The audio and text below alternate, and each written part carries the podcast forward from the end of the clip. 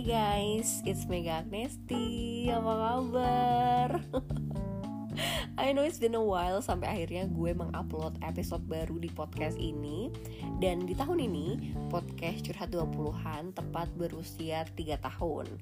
Nah tapi gue tuh ngerasa bahwa ketika gue memberikan judul curhat 20-an most likely isunya itu akan lebih relate ke usia 20-an aja. Sementara gue pengen explore topik-topik yang lebih luas.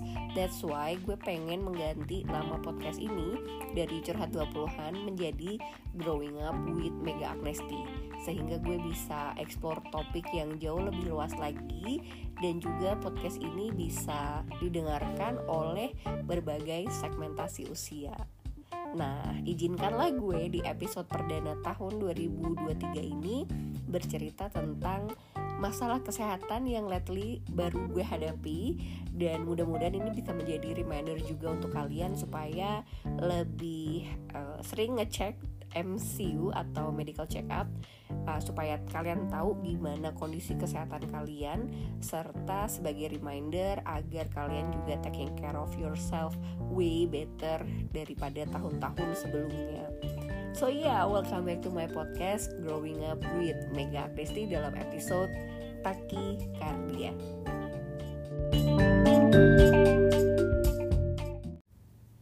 Bulan Februari kemarin, gue mengalami sebuah kejadian yang agak mengejutkan karena ini penyakit yang baru pertama kali gue alami.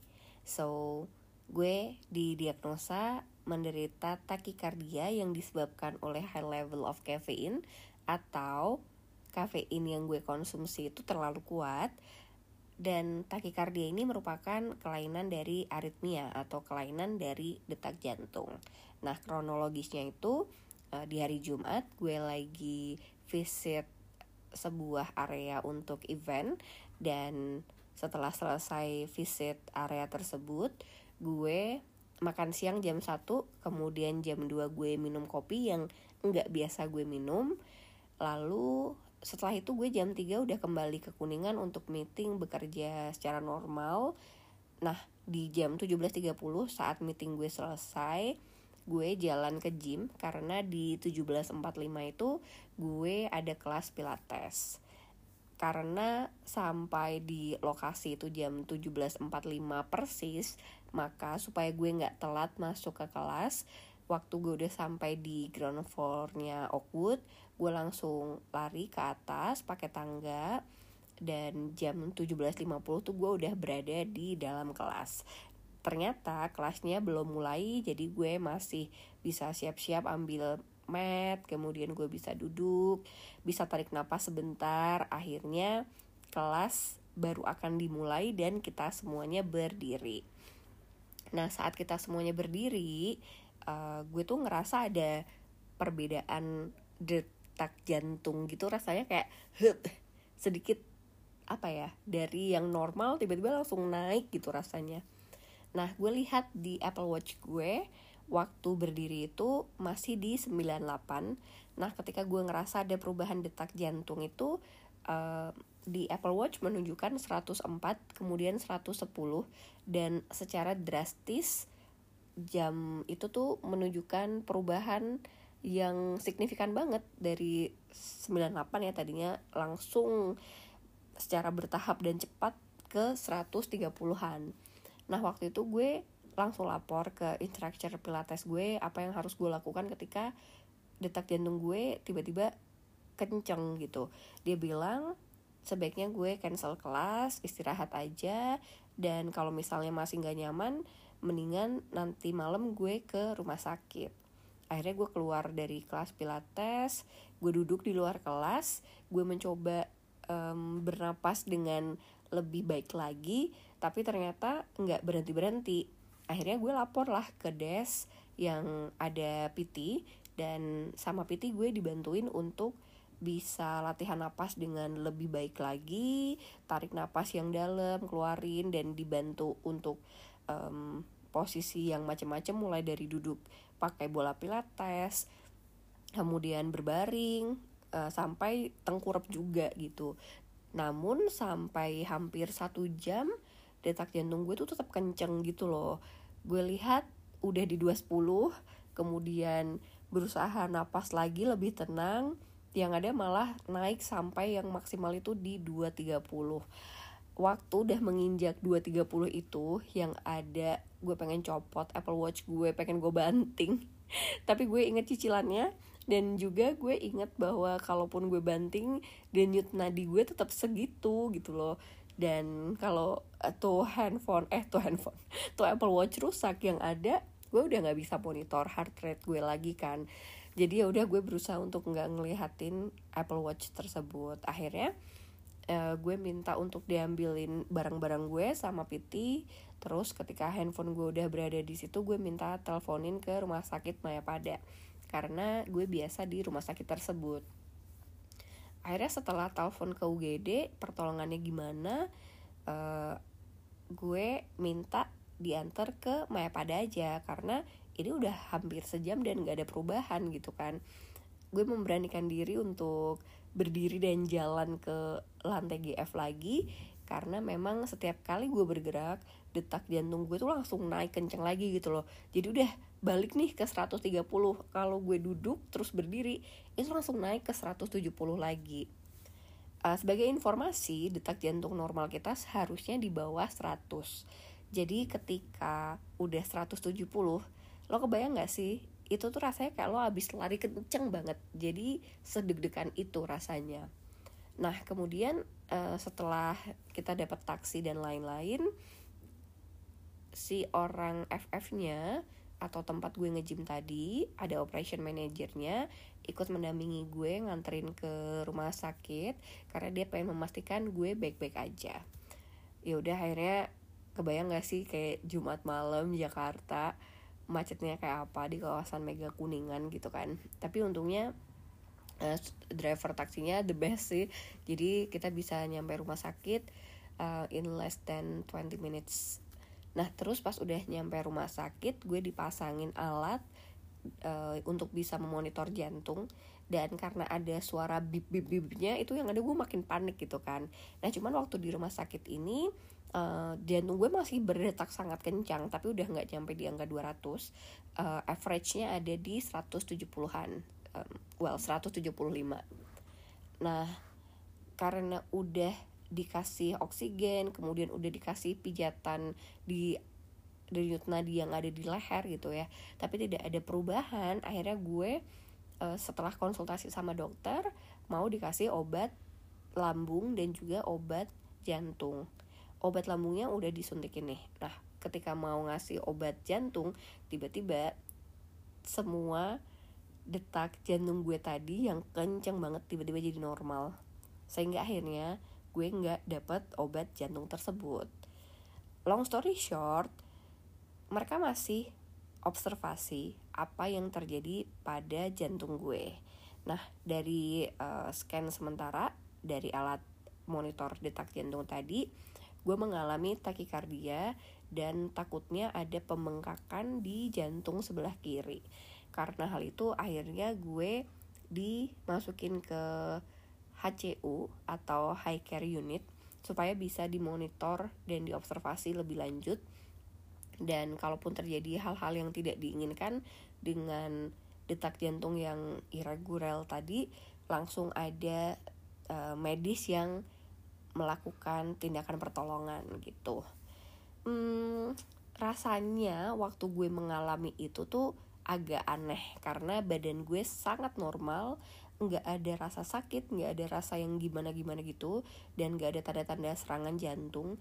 Karena lo bayangin aja badan normal cuman detak jantung lo kayak orang abis lari dan lo nggak bisa ngontrol detak jantung tersebut rasanya kayak mau pecah gitu guys.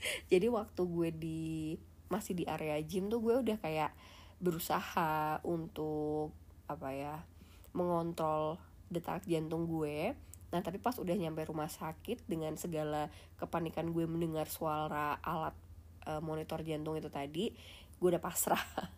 Uh, tiga tahun gue berusaha untuk uh, ke psikolog mengatasi masalah anxiety dengan kematian tapi ternyata ketika gue ngerasa kematian itu sedekat itu gue cuman bisa pasrah.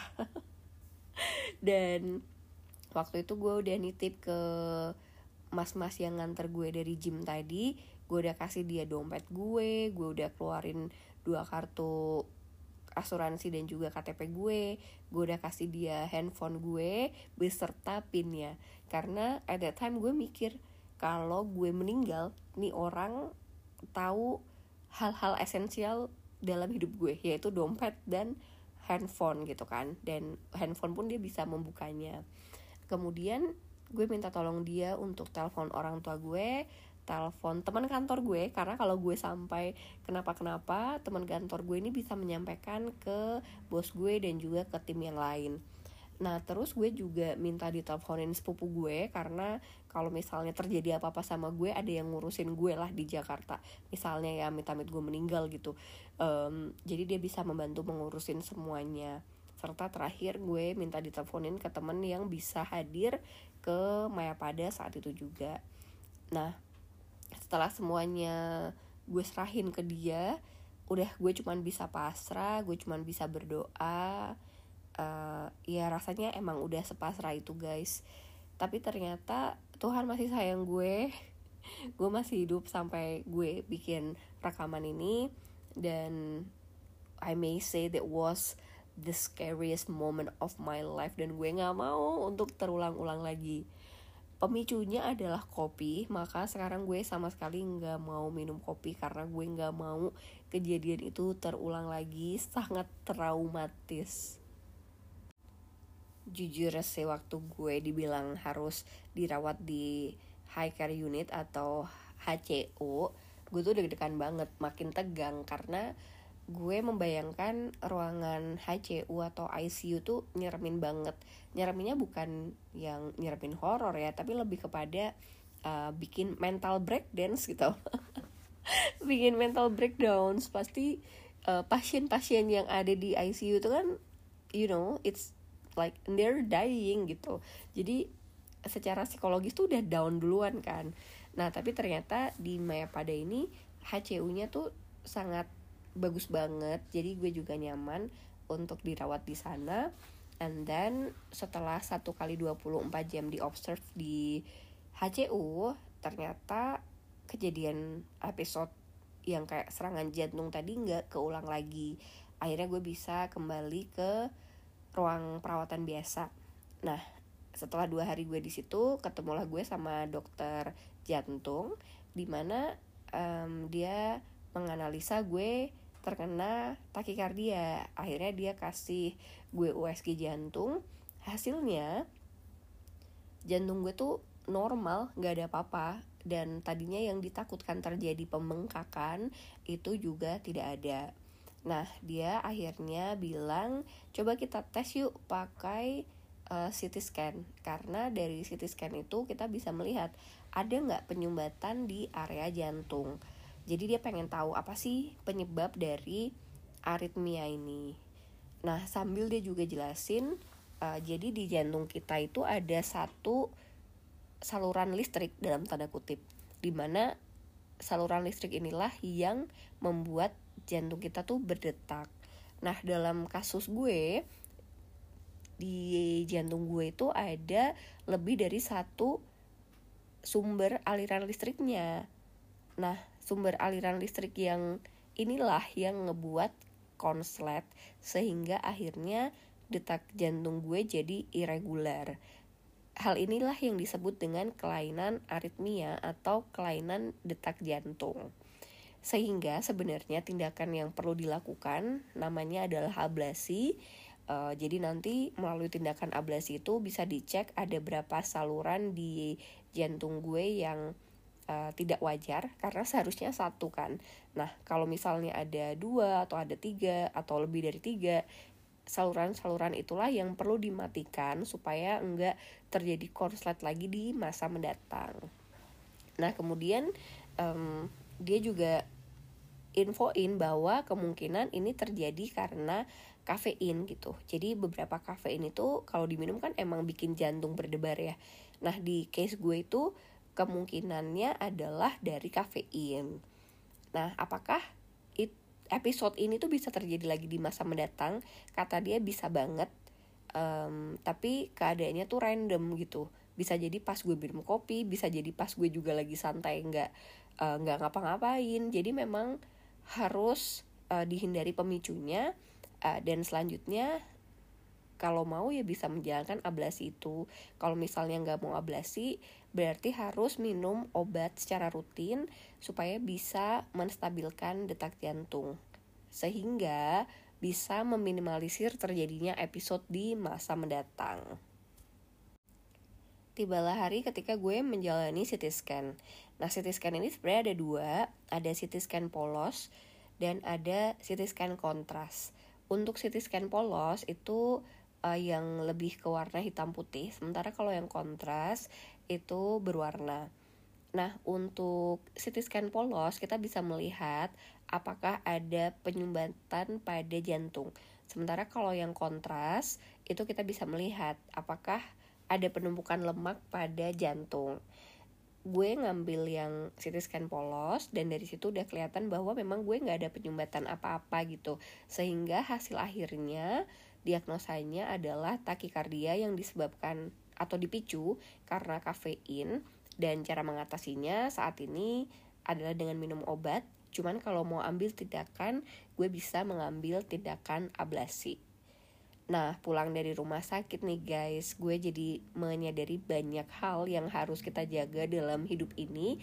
Tapi first thing first, fondasi utama yang harus kita jaga adalah kesehatan dari kejadian ini gue jadi mensyukuri empat hal yang gue lakukan di masa lalu yang pertama adalah beli asuransi pribadi yang kedua adalah beli Apple Watch yang ketiga adalah invest in friendship dan yang keempat adalah invest in health. Kita bahas satu-satu ya. Yang pertama mengenai uh, gue bersyukur beli asuransi pribadi. Nah tahun 2018 lalu itu kan gue takut mati ya. Salah satu faktor yang membuat gue takut mati adalah gue itu uh, punya orang tua yang sudah memasuki usia pensiun sementara gue masih punya adik yang masih usia sekolah gitu adik gue yang pertama memang sudah bekerja sih tapi kan dia udah punya her own family ya dia punya anak juga gitu makanya secara ekonomi orang tua gue nggak mungkin akan bergantung kepada dia Sementara orang tua gue udah memasuki usia pensiun, maka penghasilan yang diterima adalah 50% dari penghasilan terakhirnya dia saat masih aktif bekerja. Kayak can you imagine berapa besar sih gajinya PNS gitu kan. Nah, ini cuma dapat 50 persennya gitu. Sementara gue masih punya adik yang usianya SMP. Nah dulu bokap gue nyekolahin gue sampai kuliah aja tuh ngos-ngosan banget gitu apalagi sekarang beliau udah pensiun dan udah nggak di usia produktif gitu kan ketika adik gue nanti SMA ketika nanti dia kuliah gimana gitu jadi waktu itu gue mikir gue kan takut mati salah satu yang membuat gue takut mati adalah gue tidak memiliki apa-apa yang bisa gue tinggalkan untuk keluarga gue That's why gue akhirnya bikin asuransi. Setidaknya kalau gue sakit, gue nggak nyusahin orang tua gue karena biayanya ada ditanggung oleh asuransi. Yang kedua, kalau gue meninggal, orang tua gue tuh masih dapat uang pertanggungan sehingga paling nggak kayak biaya pemakaman ataupun biaya adik gue sekolah nanti tuh masih ada dari uang pertanggungan tersebut. Sehingga akhirnya karena emang gue takut mati banget at that time gue akhirnya punya asuransi pribadi. Nah selain itu juga waktu itu gue lagi merencanakan operasi sih dan operasi itu biayanya 20 juta gitu. Sehingga oh ya udahlah gue pakai asuransi aja. As time goes by setelah tiga tahun ternyata asuransi itu belum pernah sama sekali gue pakai jadi waktu tahun 2022 pertama kalinya gue opnam gue pakai asuransi tersebut ternyata kok nggak ribet ya. Akhirnya ya udah gue ngerasa happy pakai si asuransi ini. Kebetulan di tahun 2023 ini gue mengalami kejadian semacam serangan jantung. Dan penyakitnya adalah kelainan aritmia di mana segala macam penyakit yang terkait jantung kalau lo belum punya asuransi pribadi dan lo baru mau daftar maka biasanya akan kecil kemungkinan asuransi mau menerima lo. Kalaupun mau menerima, biasanya preminya tinggi banget. Nah, sementara penyakit jantung itu kan lumayan mahal ya pengobatannya. Jadi kalau nggak punya asuransi, udah pasti akan berat banget. Jadi gue bersyukur gue udah punya asuransi sejak tiga tahun lalu, sehingga uh, gue akan tetap bisa ditanggung oleh asuransi tersebut sampai nanti, walaupun gue punya kelainan jantung ini. Nah, akhirnya setelah kejadian ini, gue naikin premi karena gue takut uh, nanti kuotanya gak cukup. Dan yang kedua gue panjangin masa pertanggungan. Awalnya cuma 55 tahun akhirnya gue perpanjang sampai 75 karena gue nggak kebayang sih ketika nanti gue usianya udah nggak produktif terus ternyata gue mengalami kejadian seperti ini setidaknya ada asuransi yang akan mengcover biaya-biaya tersebut. Jadi gue nggak menyulitkan keluarga gue nantinya gitu loh So yeah, I'm really grateful kalau gue memiliki asuransi pribadi ini. Jadi mudah-mudahan ini bisa menjadi pelajaran juga buat teman-teman semuanya. Kita nggak akan pernah tahu sih kita sakit apa. Meskipun kita udah punya historical dari orang tua ya, sama kakek nenek kita gitu. Mereka meninggalnya karena apa misalnya.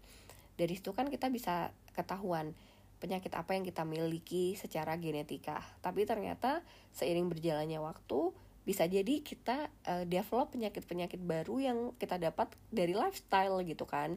Sehingga um, memiliki asuransi menurut gue cukup penting sih.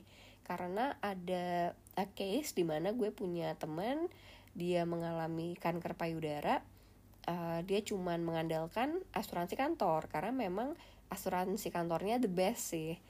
Uh, tapi kemudian ternyata biaya-biaya yang dikeluarkan untuk tindakan terkait dengan kanker payudara ini banyak banget gitu sehingga akhirnya waktu itu pakai uang tabungan. Nah sekarang ketika sudah selesai segala macam kemoterapinya dia baru mau mendaftar asuransi itu udah nggak bisa. That's why um, kejadian itu kan juga kejadian yang nggak pernah dia pikirkan kan. Sehingga pesan gue sih buat teman-teman mendingan kalian um, apa ya harus punya bukan harus lah. Sebaiknya kalian tuh mempersiapkan asuransi pribadi buat diri kalian. Apalagi kalau misalnya kalian punya tanggungan dan kalian tulang punggung keluarga gitu ya. Karena we never know. Kalau kita sakit ternyata yang paling bikin deg-degan itu bukan penyakit ya tapi gimana cara bayarnya. So it's better for us untuk prepare di awal Eh, dengan memiliki asuransi meskipun mungkin awal-awal kalian asuransinya preminya nggak gede-gede amat gitu. Coba aja dari yang paling kecil.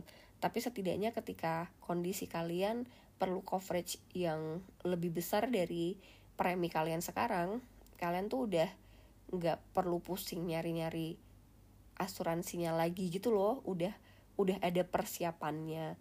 So yeah itu adalah satu hal yang gue syukuri yang gue lakukan di masa muda kemarin.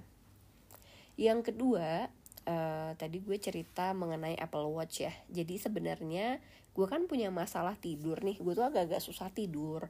Jadi um, gue pengen memonitor kualitas tidur gue. Nah kualitas tidur ini kan bisa dipantau menggunakan si Apple Watch kan.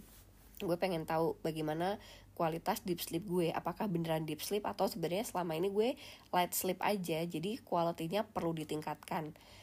Nah waktu kemarin tuh sebenarnya nggak sengaja temen gue lagi mau jual Apple Watchnya dia. Jadi akhirnya gue ambil uh, karena gue pengen memonitor tidur gue. Tapi ternyata si Apple Watch ini sangat berguna banget di masa-masa yang tidak gue duga.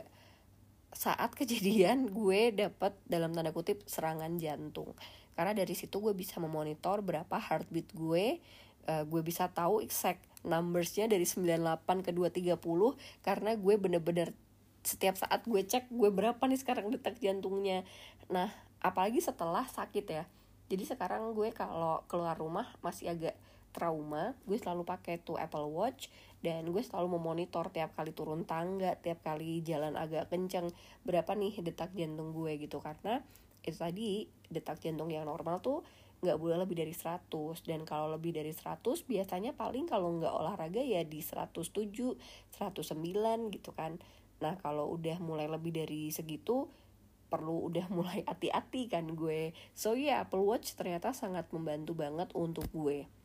Nah buat teman-teman yang pengen juga memantau heartbeatnya bisa nih men menggunakan smartwatch.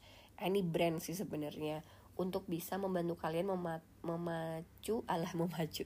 Untuk bisa membantu kalian memonitor detak jantung. Penting gak penting tapi well dengan memiliki smartwatch tuh kalian bisa memantau kondisi kesehatan saat saat tersebut sih. Jadi uh, bisa dimanfaatkan seoptimal mungkin gitu. So yeah smartwatch I think one of the thing that we need to have ya these days yang ketiga adalah uh, invest in friendship. Karena kan gue jauh dari keluarga ya. Dan gue sangat happy gue punya temen yang bisa dimintain tolong. Jadi gue sangat respect juga terhadap mas-mas FF atau fitness first yang sudah sangat sigap membantu gue dan juga voluntary untuk nganter gue ke rumah sakit memastikan keadaan gue baik-baik aja. Dan buat teman-teman yang merantau, mungkin ini sedikit pesan gue kepada teman-teman semuanya untuk nggak cuek terhadap sekitar gitu. Apalagi kalau kalian ngekos gitu kan. Uh, kalian harus kenal sama penjaga kosnya dengan baik dengan uh, eh, ART yang ada di kos dengan baik. Karena mereka berdua adalah orang yang paling bisa kalian mintain tolong. Kayak gue kemarin. Gue tiba-tiba dua kali gitu kan opnam. Nah semua yang nyiapin baju gue uh, charger iPad laptop skincare even daleman ya semua tuh yang nyiapin adalah mas penjaga di kosan dan juga ART jadi sangat-sangat wajib untuk menjaga hubungan baik dengan yang membantu di kos tersebut supaya apa ya uh, urusan lo tuh jauh lebih mudah gitu selain itu juga kalau misalnya kalian ngekos kenal sama tetangga itu akan jauh lebih baik lagi cuman kalau misalnya tetangganya juga jarang nongol kenal sama penjaga kosan, kenal sama mbak yang membantu di kosan tersebut, itu adalah hal yang uh, importante atau sangat esensial perlu kalian lakukan. Uh, selain itu pokoknya di lingkungan kalian kalian nggak boleh terlihat apa ya nggak kenal dengan siapa-siapa gitu karena satu-satunya yang bisa kalian mintain tolong adalah orang-orang ini, orang-orang yang terdekat kalian di lingkungan tersebut. Kayak gue di kosan ada yang gue kenal, kemudian di kantor juga harus ada uh, pairing atau sidekick kalian yang bisa kalian mintain tolong dalam hal-hal terkait pekerjaan gitu. Dan juga teman yang bisa diandalkan kapan saja. Jadi di episode ini mungkin gue banyak berterima kasih kepada orang-orang terdekat gue yang sudah sangat helpful dan supportive membantu gue dalam kondisi apa pun juga like I love you guys. Dan yang terakhir adalah investing in health. Mungkin kalau kalian follow Instagram gue kalian bisa melihat bahwa lately gue lagi olahraga banget gitu. Um, gimana ya? Semenjak gue tinggal di Bali sebelumnya kan emang gue burn out banget di pekerjaan ya. Hidup gue isinya kerja kerja kerja kerja. Working load gue gila gitu kan. Dan mindset gue tuh work life balance tuh agak susah dilakukan. Nah ketika kemarin gue pindah ke Bali I feel like work life balance gue tuh bisa tercapai. Karena Bali membuat gue ngerasa lebih chill, lebih slay, masalah apa pun tuh bisa diselesaikan gitu, jadi nggak usah ngoyo. Nah akhirnya dengan mindset itu, uh, gue punya banyak waktu kan selain bekerja yaitu bersosialisasi take care of myself dengan olahraga. Uh, dan gue punya banyak waktu dengan diri sendiri gitu. Sehingga waktu di Bali gue udah mulai ngebentuk habit olahraga dan juga makan sehat. Nah pas balik ke Jakarta agak struggling sih untuk bisa hidup sehat ya karena makanan sehat mahal. Kemudian kalau mau uh, ikut kelas tempatnya tuh agak jauh gitu dari hmm, kantor ataupun dari kosan. Sehingga akhirnya kemarin per Januari tuh gue komit untuk ikut uh, fitness first untuk ikut membership gym lah. Karena dengan begitu gue jauh apa ya jauh lebih intens gitu untuk berolahraga. Karena segala macam kelas tuh ada di gym tersebut kan. Dan kalaupun cuman pengen kayak treadmill atau cuman pengen kayak angkat beban juga bisa dilakukan. Dan lokasinya juga deket banget sama kosan sama kantor. Jadi nggak ada alasan untuk nggak dateng gitu kan. Nah uh, dengan adanya hidup sehat ini gue jadi ngerasa hmm, apa ya secara uh, cycle cycle keseharian ya gue tuh jauh lebih baik gitu. Gue bisa bangun pagi gue bisa fokus bekerja uh, kemudian malamnya gue juga langsung olahraga tidurnya lebih enak uh, dan gue juga masih punya waktu untuk berkumpul ber bersama teman-teman. Karena mindset bekerja gue adalah gue harus bisa kerja selesai on time karena gue abis ini mau nge-gym.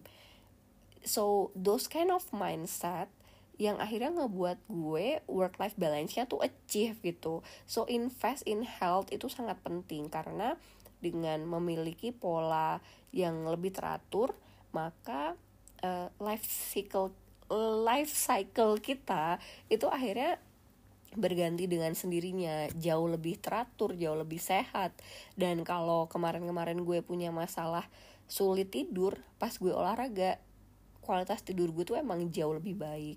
But then again ya kemarin kan waktu gue sakit itu temen gue beberapa nanya kayak gini Mega lo kan lagi hidup sehat banget ya? Lo makan sehat lo olahraga kok bisa sih sakit-sakitan kayak gini? Gitu. Karena memang di bulan November gue abis masuk rumah sakit dan nggak lama di bulan Februari gue masuk rumah sakit lagi gitu. Jadi orang melihat kayak gue sakit-sakitan gitu kan. Nah gimana kalau sudut pandang kita diubah? Kalau gue aja yang udah makan sehat dan sering olahraga juga masih sakit-sakitan apalagi yang enggak gitu. So invest in your health itu adalah fondasi utama dalam hidup karena health itu adalah benar-benar modal kita untuk menjalani uh, hari-hari uh, kita gitu guys. So please take care of your health dan sakit kayak yang gue alami mungkin bisa diantisipasi ketika kita paham sama kondisi kita. Nah, untuk memahami kondisi tubuh kita itu, kita perlu yang namanya um, general medical check up yang dilakukan secara berkala gitu kan. Kalian bisa um, mulailah ya memplanning untuk melakukan general check up setahun sekali mungkin untuk cek bagaimana kondisi organ dalam kalian, bagaimana kondisi lemak dalam tubuh kalian, gula darah kalian, keadaan jantung kalian, dan pada beberapa case kalian juga bisa ngecek uh, eh, MRI di kepala, uh, just in case ada yang aneh-aneh gitu di kepala. Jadi kalau ngomongin general check up yang perlu kalian pastikan yang pertama adalah darah uh, karena di situ kalian bisa ngecek banyak hal. Kemudian juga biasanya akan diambil urin itu juga bisa ngecek banyak hal. Jadi yang basic itu biasanya akan ngecek gula darah, kemudian fungsi ginjal dan fungsi hati. Terus nanti kalian juga bisa EKG. Dari EKG nanti bisa dilihat ada apa nih di jantung kalian. Kalau misalnya kalian ngerasa EKG aja nggak cukup, pengen bisa uh, lebih detail lagi melihat keadaan jantung dan nanti bisa dikonsultasikan ke dokter jantung masing-masing siapakah perlu USG jantung atau ada metode lain yang bisa dilakukan untuk ngecek jantung kalian. Kemudian kalau misalnya kalian udah mulai berumur nih ya, gue rasa kayak udah mulai um, berpikir untuk melakukan tes MRI deh pada kepala karena di MRI ini nanti kalian bisa melihat ada yang janggal nggak di kepala kita gitu. Misalnya nih untuk memastikan bahwa nggak ada tanda-tanda tumor nggak ada gua nggak tahu ya kalau MRI itu bisa sampai lihat pembengkakan kepala atau pembengkakan pembuluh darah atau enggak cuman setidaknya kalian bisa ngecek-ngecek hal tersebut melalui medical check up Nah, sementara kalau untuk cewek, tentu saja ada tambahan lain nih. Misalnya, kalian USG payudara untuk ngecek payudara terus ini cowok cewek juga perlu ngecek USG uh, eh, yang di area perut ab abdomen ya kalau nggak salah namanya itu untuk ngecek bagaimana organ dalam kalian. Nah gue tuh kemarin udah sempat melakukan USG tersebut dan hasilnya sebenarnya untuk area pencernaan gue tuh baik-baik aja. Semuanya masih berfungsi dengan sangat baik. Cuman di ginjal sebelah kanan katanya ada uh, lemak yang ya menutupi sedikit ginjal. Jadi emang harus ngatur pola makan. Kemudian secara keseluruhan sih keadaannya baik ya. Cuman lambungnya agak gesi. Kemudian kemarin juga waktu tipes sempat ada bakteri lah di ususnya. Jadi hal-hal kayak gitu tuh bisa terlihat dari medical check up nah untuk cewek juga perlu nih hmm, kalau udah actively uh, sexually active kalian juga perlu pap smear. So yeah I think those kind of investment sih perlu kita lakukan mulai dari olahraga, makanan juga udah diperhatikan, uh, kurangi lemak. Kadang kita tuh ngerasa lemak hanya berasal dari daging-daging merah. Padahal sebenarnya di Indonesia nih, lemak yang paling berbahaya itu adalah gorengan. Temen gue kolesterolnya tinggi, gue gue ngerasa aneh karena dia tuh nggak makan yang daging-daging gimana banget gitu. Ternyata guys, sumbernya itu berasal dari gorengan dan sering kali kita juga sebagai orang Indonesia kurang mengkonsumsi protein yang cukup. So those kind of um, medical check up tuh bisa membuat kita paham kondisi tubuh kita. Nah kayak gue udah tahu kan nih gue punya asam lambung sebenarnya. Cuman gue masih ngadi-ngadi aja kalau keadaan lagi normal banget gue ngerasa gue udah sehat. Gue mulai lagi nih mengkonsumsi wine.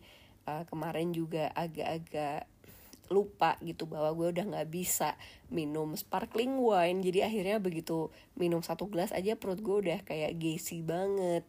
Nah gue juga harusnya udah give up kopi tapi emang dasar bandel ya.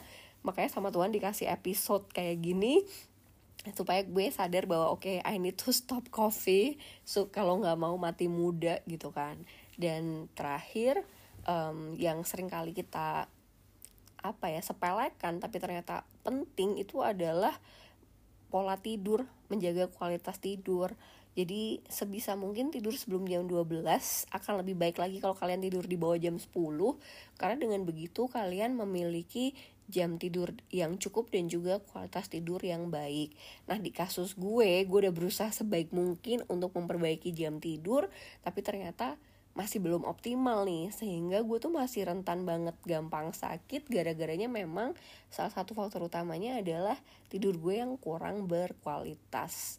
So empat hal tadi mudah-mudahan bisa membuat kalian um, lebih aware terhadap kesehatan terutama untuk yang udah mulai memasuki usia-usia 30-an nih kalian harus sadar bahwa metabolisme kita udah nggak seperti dulu daya tahan tubuh kita juga udah nggak seperti dulu. Jadi dengan beban kerja yang mungkin di usia 30-an jauh lebih berat harus invest in ourselves jauh lebih besar. Salah satunya adalah dengan invest uh, di insurance invest di kesehatan invest in friendship dan mungkin invest dengan fasilitas fasilitas lain kayak Apple Watch tadi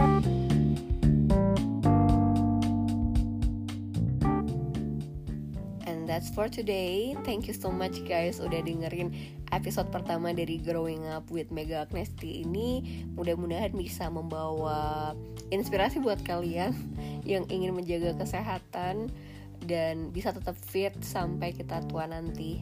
Thank you and see you in the next episode. Bye bye.